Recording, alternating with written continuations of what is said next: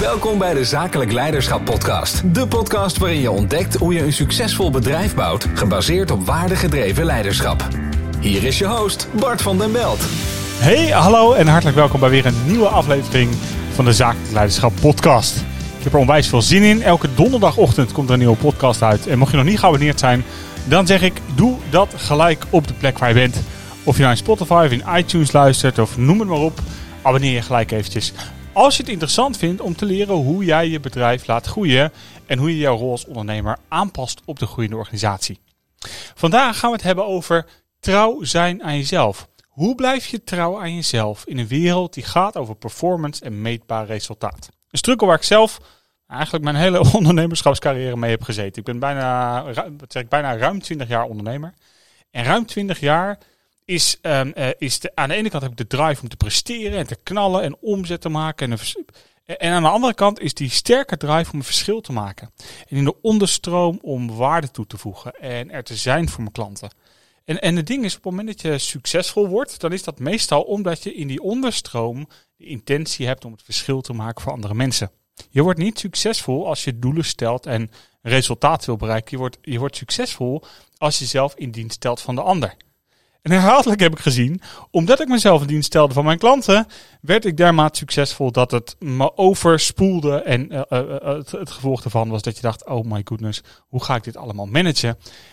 Ja, en blijf dan maar bij jezelf. Hoe doe je dat? Hoe blijf je trouw in jezelf in een wereld die gaat over performance en meetbaar resultaat? En ik heb net een nieuw boek geschreven, Waardegedreven Verkopen.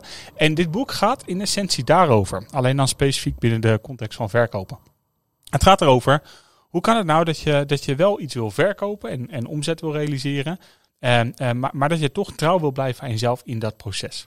En het boek, dat start ik met een verhaal wat ik heb gekregen van een hele goede vriend van me. Um, uh, misschien wel mijn beste vriend. Die heeft een, um, eigenlijk zeker weten mijn beste vriend. die heeft, um, die heeft een, die had een, een droom. En die droom, die ging over, over trouw zijn aan jezelf. En ik heb die ik heb hem gevraagd, mag ik die droom gebruiken als, als introductie voor mijn boek Waardegedreven Verkopen? Hij zei, ja, dat is prima. En ik heb daar eigenlijk mijn eigen verhaal van gemaakt. En voordat ik het ga hebben over trouwens naar jezelf en hoe je dat nou doet, terwijl je gewoon wil knallen en gas wil geven en omzet wil realiseren, uh, wil ik toch even starten met deze introductie. Dus ik begin even met een verhaal uit Waardegedreven Verkopen. Gate 17. Het was een snelle rit geweest en hij had na veel zoeken eindelijk een parkeerplekje kunnen vinden. Gaas liep hij over het vliegveld om zijn vliegtuig te halen. Enkele maanden daarvoor had hij een brief met een uitnodiging gekregen voor vandaag en een open ticket voor een vlucht met een onbekende bestemming. De afzender noemde zijn naam niet in de brief, maar het was duidelijk dat de brief voor hem bedoeld was.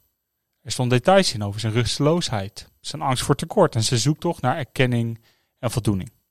Door alles wat hij las, voelde hij dat de brief specifiek vanuit liefde was geschreven voor hem.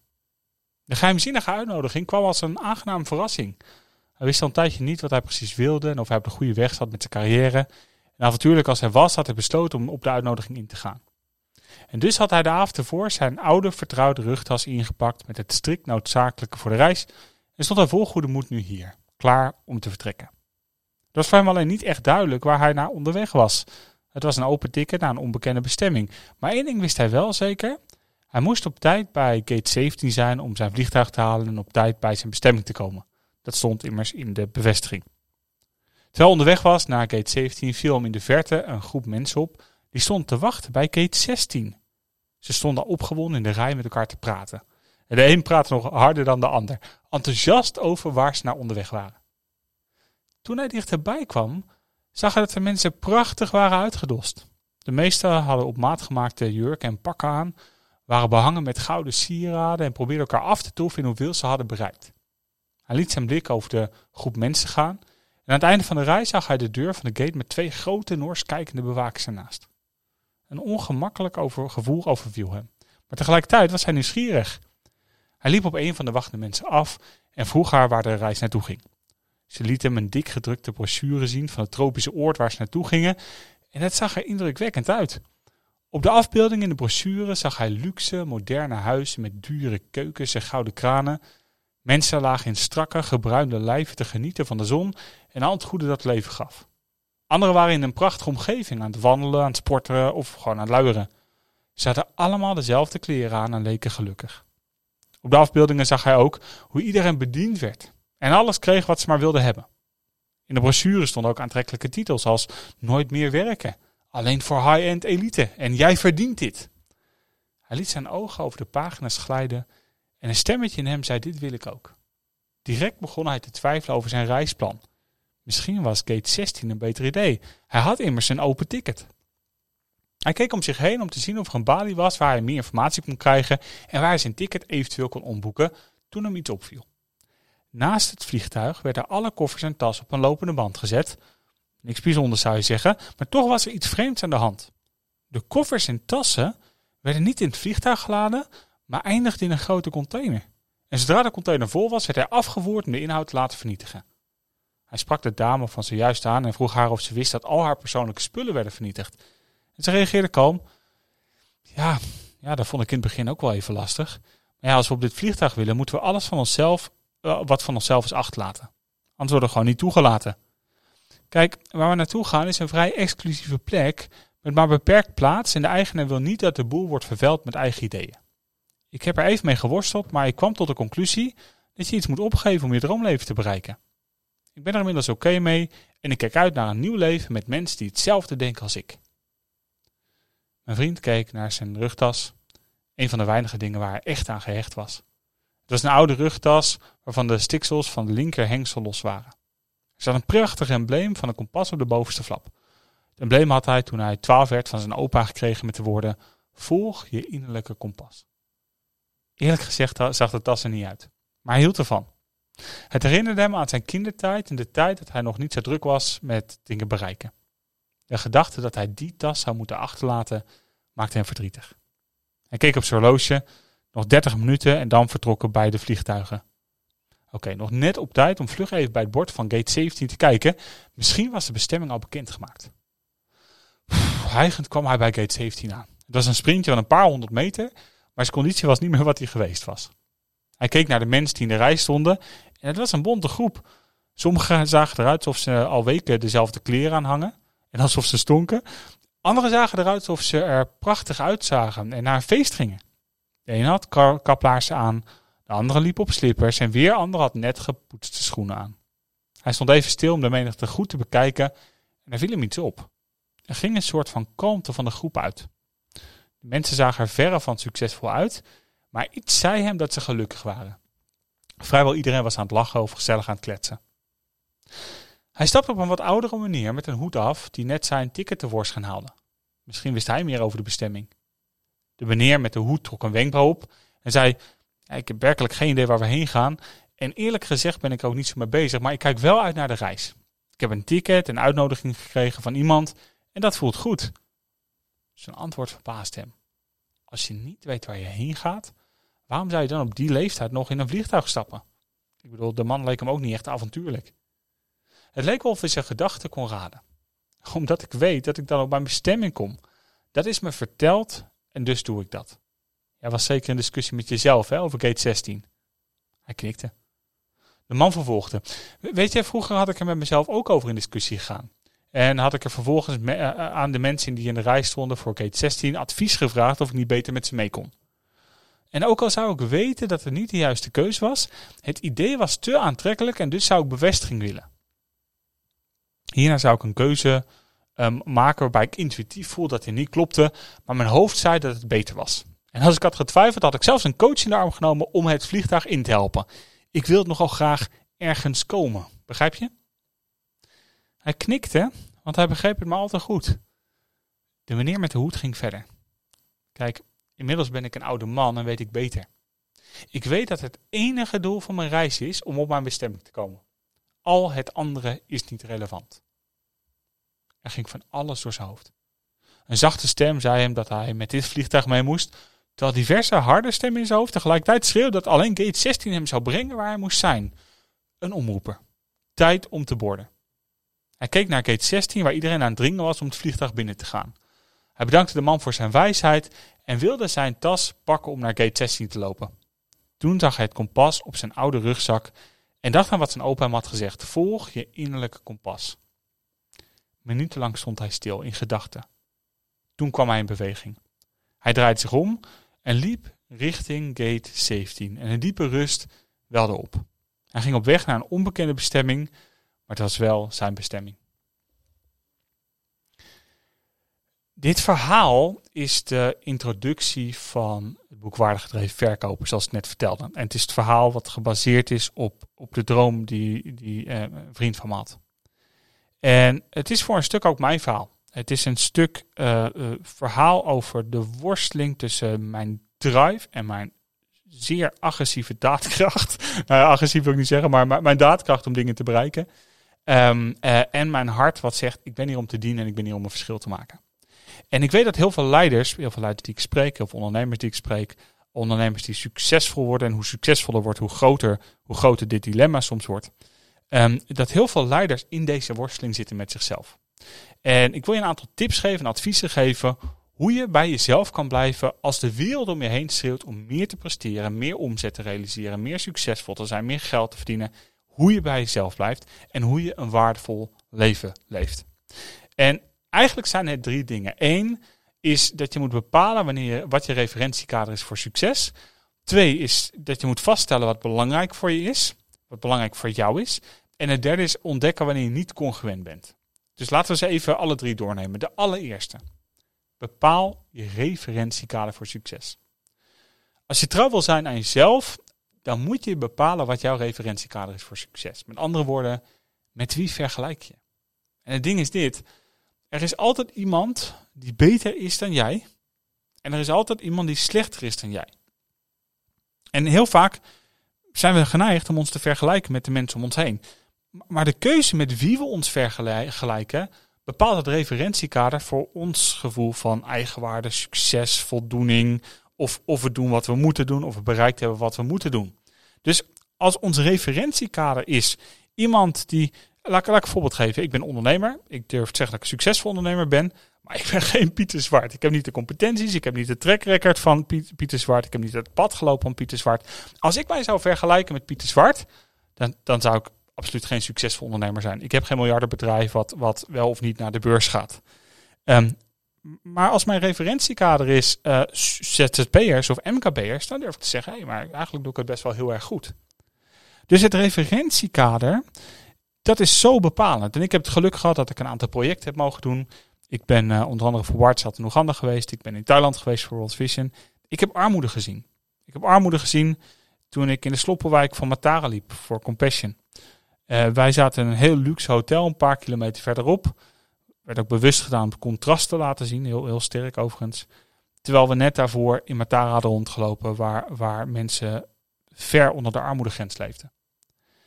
Weet je, en dan, en, dan, en dan denk ik bij mezelf, waar zeur ik over? Waar zeur ik over? Over waar, waarom maak ik me zorgen over, weet ik het, over mijn auto of noem maar. Waarom maak ik me zorgen? Het gaat nergens over.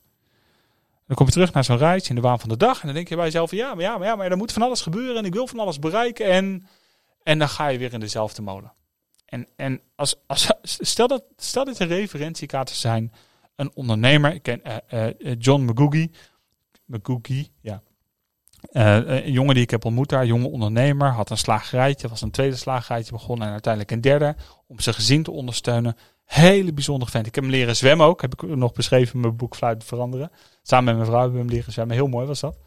Um, als ik me vergelijk met, met John, dan denk ik bij mezelf, ja joh, wat, wat, waar, en ik kijk naar mijn meetbare maatstaaf voor succes en denk, waar heb ik het over? Ik, ik ben zeer veel succesvoller als John. Als ik kijk naar de intrinsieke waarde van succes, heb ik regelmatig me afgevraagd of John niet succesvoller was.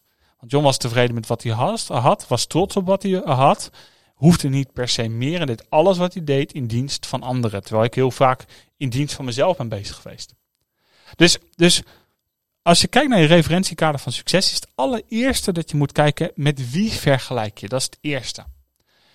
Het tweede is dat je moet beseffen dat je wordt beïnvloed door de cultuur waarin je bent opgegroeid en met mensen met wie je op dit moment omgaat. Dus de cultuur waar je in zit, de stamcultuur van jouw gezin waar je bent opgegroeid. En de cultuur waar je nu in zit met de mensen uh, waar, waar je mee omgaat. Die bepaalt ook jouw maatstaf voor succes. Als je je graag wil omgeven met allemaal succesvolle mensen, want je hebt geleerd, ja, wie je, wordt, dat is bepaald door met wie je omgaat. Dus je moet omgaan met mensen die verder zijn als jij. Het, het standaard succesgoeroe verhaal. Ik heb ze allemaal zelf meegemaakt in trainingen. Al dat soort verhalen. Ja, dan kan het zomaar zijn dat je continu het gevoel hebt dat je eh, onderpresteert en imposter syndroom hebt. En ik denk dat je beide kanten moet hebben. Je moet mensen om je heen hebben die je onder, onder je hoede kan nemen. Waar je een leidend voorbeeld voor kan zijn. En moet mensen die voor jou een leidend voorbeeld zijn. Je hebt ze allebei nodig. Het derde, als je het hebt over je referentiekader voor succes, dus naast, naast eh, met wie vergelijk je en naast in welke cultuur bevind je, de derde uh, waar je mee bezig moet zijn. Ik kan trouwens allemaal kan ik een aparte podcast over maken. Maar ik wil echt graag naar de essentie deze podcast. En je gewoon inspireren om even na te denken en te reflecteren. En, en je verder te helpen in je ontwikkeling als leider. Het derde referentiekader is of je kijkt naar meetbare waarden of intrinsieke waarden. We zijn geneigd in onze economie om te kijken naar meetbare waarden. Wat voor auto rijdt iemand? Wat voor kleren draagt iemand? Hoe ziet iemand eruit? Is iemand knap, aantrekkelijk, gelukkig en gezond? En fit vooral.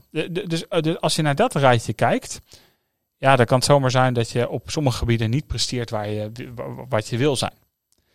Maar ga eens kijken naar intrinsieke waarden. Dus de waarde die iets of iemand op zichzelf heeft.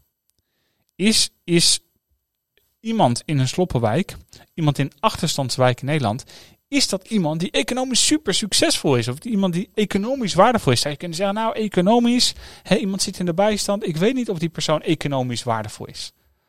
Oké, zou je kunnen zeggen als je de meetbare waarde pakt. Maar pak eens de intrinsieke waarde. Hè, wat voor persoon is dit? Hoe dient hij zijn familie? Hoe maakt hij een verschil? Kijk, en er zijn ook mensen die weinig intrinsieke waarde leveren. Die, die zijn er ook. Maar dan is de vraag, is de mens op zichzelf niet intrinsiek waardevol? Ik ga te veel de filosofische kant op en ik wil kant op en ik wil het heel graag praktisch houden in deze podcast.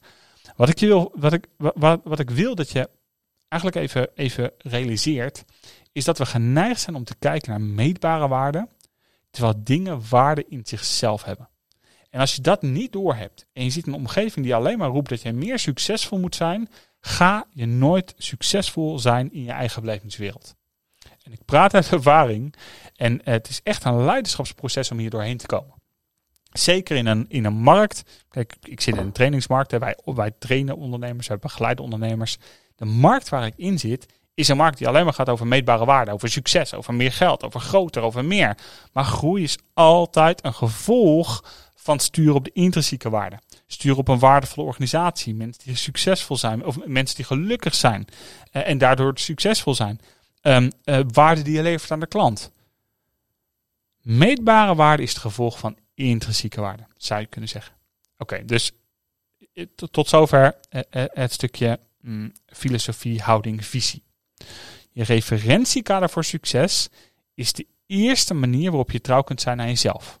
Helderheid krijgen met wie vergelijk je. Wat is de cultuur waar ik op dit moment in zit en waar ik uitkom? En kijk ik naar de meetbare waarde of kijk ik naar de intrinsieke waarde? Dan komen we bij de tweede. De tweede is dat je eerlijk bent naar jezelf en vaststelt wat echt belangrijk voor je is. Wat is belangrijk voor jou? Waar hecht jij waarde aan? Ik, heb, uh, ik ben met mijn vrouw ben ik naar Curaçao geweest toen we tien jaar getrouwd waren. Super, super prachtig resort. De Lions Dive. Het mooiste resort wat we daar konden vinden hebben daar gesnorkeld. We hebben echt een heerlijke tijd gehad. Ik heb een helikoptervlucht geregeld voor mijn vrouw. We zijn op een mooie boulevard geland. Terwijl mijn vrouw overigens misselijk was na vijf minuten toen we, onderweg waren in de vlucht. Ik heb echt wel, echt wel we, hebben, we hebben een hele mooie reis gehad toen we, toen we 12,5 jaar getrouwd waren. 12, 12 jaar, 12,5 jaar. Naar Thailand zijn we in een vijf sterren Hilton Resort geweest in Thailand. Oké, super tof. Moeten we gedaan hebben, hebben we gedaan. Maar als ik eerlijk ben, hecht ik veel meer waarde aan vorige week met mijn gezin een weekje op Centerpark zitten in België. Want het gaat om de kwaliteitstijd met mijn gezin. En tuurlijk is het vet om, om mooie reis te hebben. Maar de kwaliteitstijd met mijn gezin en de rust en de stilte en de e-mail en de noise uitschakelen. Dat is veel waardevoller. En dus kan ik heel succesvol communiceren en twitteren en op Instagram zetten. Kijk hoe succesvol ik ben. Ik ben nu hier en allerlei foto's plaatsen. Maar ik doe dat niet. En heel veel mensen, heel veel van mijn klanten zeggen ook, doe dat nou. Deel je leven. Maar ik vind het niet zo belangrijk om te delen waar ik zit en wat ik doe en wat voor auto ik rijd en hoe mijn pand eruit ziet en wat mijn financiële status is. Vind ik allemaal niet zo belangrijk. Ik vind het veel belangrijker om trouw te zijn naar mezelf. Uh, voorbeeld voor een auto. Ik weet niet of je wat voor auto je rijdt, maar voor mannen is auto een ding. Um, ik, ik weet eigenlijk niet precies wat, wat voor vrouwen een ding is. Uh, oh, Bart is niet genderneutraal. Nee, dat klopt. Ik ben niet zo genderneutraal. Um, ik weet niet wat voor vrouwen een ding is. Misschien wel zichzelf bewijzen. En laten zien, nee, ik, ik draai mee.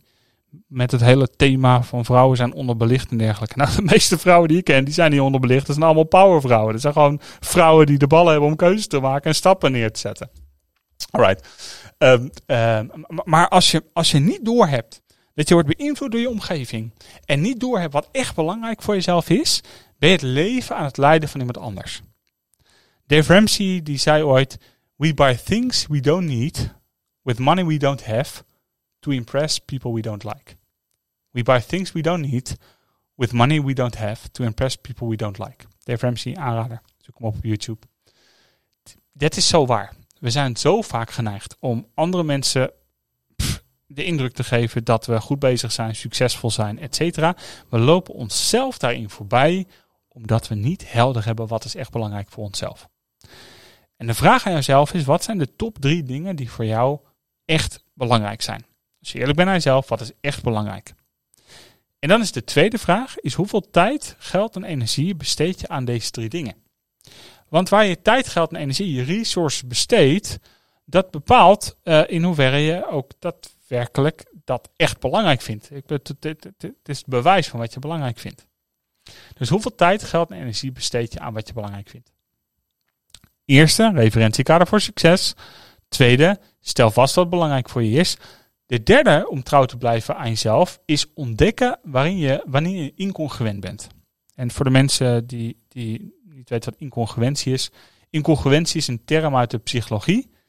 En um, uh, wat eigenlijk gaat over dat je aan de voorkant in je gedrag iets doet wat niet past bij waar je eigenlijk in gelooft, in je overtuigingssysteem. Dus je gedrag past niet bij wat je doet. En het gevolg daarvan, hoe herken ik dan dat ik incongruent ben? Dat is iets wat, wat, wat je cognitieve, cognitieve dissonantie noemt. Dus het gevolg van incongruentie is cognitieve dissonantie. En cognitieve dissonantie is, is, is zeg maar een onaangename spanning die je kan ervaren als je tegenstrijdige overtuigingen of ideeën of opvattingen hebt. Of, of handelt in strijd met je eigen overtuiging. Dus dat gaat, cognitieve dissonantie gaat over het gevoel van incongruentie. Interessante termen. Ik denk, noem eens nog eventjes. Eh, eh, waar het om gaat, is wanneer voel ik dat ik niet trouw ben aan mezelf. En je kan niet voelen dat je niet trouw bent aan jezelf als je maar doorraast in de waan van de dag.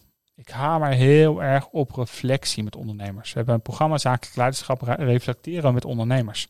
Gewoon zes heidagen in een jaar. Zitten, praten, met elkaar, sparren, er doorheen worstelen. De volgende fase bereiken. En, en dat doen we, dat heb je nodig, die reflectie, is omdat je, omdat je um, anders gewoon doorgaat met alles wat er moet gebeuren. Je bent je gezin aan het balanceren of de jacht naar een nieuwe partner. Uh, je hebt je bedrijf wat je moet runnen. Je hebt de uitvoering van je bedrijf. Je hebt misschien een team die je moet aansturen of je bent aan het opstarten. Het is allemaal een uitdaging. En stilstaan en even nadenken. Wanneer voel ik nou dat ik niet, niet, trouw ben aan mezelf? Wanneer is dat gevoel aanwezig? Uh, dat is een hele belangrijke om, om inzicht te hebben in, in hoe ben ik wel trouw aan mezelf. Dus samenvattend, want we zitten al bijna weer aan de tijd er zijn drie vragen die je moet beantwoorden voor jezelf als je trouw wil zijn aan jezelf. Drie vragen als je trouw wil zijn aan jezelf. Vraag 1. Wat is mijn referentiekader voor succes? En waar komt die vandaan? Wat is mijn referentiekader voor succes? En waar komt die vandaan? 2. Wat is belangrijk voor me als de mening van anderen er niet zou, toe zouden doen? Wat is belangrijk voor mij als de mening van anderen er niet toe zouden doen? En de derde is, Wanneer heb je de laatste tijd het gevoel gehad dat je niet trouw was aan jezelf? Wanneer heb je het gevoel dat je niet trouw was aan jezelf? Dus referentiekader voor succes, en waar komt die vandaan? Wat is belangrijk voor je? Als de mening van anderen niet toe zouden doen. Wanneer heb je het gevoel gehad dat je niet trouw was aan jezelf? Trouw zijn aan jezelf als ondernemer. In een wereld die gaat over performance en meetbaar resultaat. In een wereld die gaat over omzet. In een wereld die gaat over geld. In een wereld die gaat over, over de volume-driven economy. Trouw zijn aan jezelf is noodzakelijk voor voldoening. Als je voldoening mist op dit moment in je leven, dan komt het omdat je ergens niet trouw bent aan jezelf. Je referentiekader voor succes klopt niet. Je bent te veel bezig met meetbare waarden en te, en te weinig bezig met intrinsieke waarden. Dat komt omdat je niet helder hebt wat nou echt belangrijk voor je is. En dat je te veel wordt beïnvloed door de cultuur om je heen. En dus ben je op bepaalde momenten incongruent en heb je niet door wanneer het is. Dus wat ik hoop is dat deze podcast en deze podcastserie je helpt om een leider te worden die een verschil maakt in zijn omgeving. Om een leider te, te, te, worden die in dienst staat van zijn organisatie, van zijn bedrijf. Zodat je bedrijf in dienst staat van de klanten. En, en dat we daarmee de economie beter maken, de, de maatschappij beter maken, elkaar beter maken, um, een verschil maken. En ik hoop dat deze podcast een verschil maakt voor jou. Dat je helpt in je denken, dat het je inspireert. En als dat zo is, dan wil ik je ook uitnodigen, abonneer jezelf. Abonneer jezelf op deze podcast waar je bent. Abonneer jezelf op mijn YouTube kanaal. Zoek even op Bart van den Belt. Bart van den Belt. Um, en vooral deel deze podcast met andere mensen. Waar je ook zit, er zit ongetwijfeld een share button op. Stop nu eventjes, klik op share, deel het met mensen waarvan je denkt dat is relevant. En ik zou echt adviseren om het één op één te delen. Iemand die nu bedenkt, oh daar is dit een waardevolle podcast voor. Kijk even naar wie het kan appen, deze podcast. Want daar help je mij enorm mee en daar help je de community mee die we aan het bouwen zijn. En jij bent onderdeel van die community, dus dat vind ik super tof. Um, mocht je nu aan de slag willen met meer informatie of met de groei van je organisatie, ga dan aan de slag met de gratis Business Challenge op onze website zakelijksucces.nl. En ik kijk er naar uit om je een volgende week weer te zien, waarin we samen aan de slag gaan hoe je een succesvol bedrijf bouwt op basis van waardig gedreven leiderschap. Ik heb ervan genoten. Ik wens je een hele fijne dag. Maak een verschil. Neem actie. Voeg waarde toe. Geniet.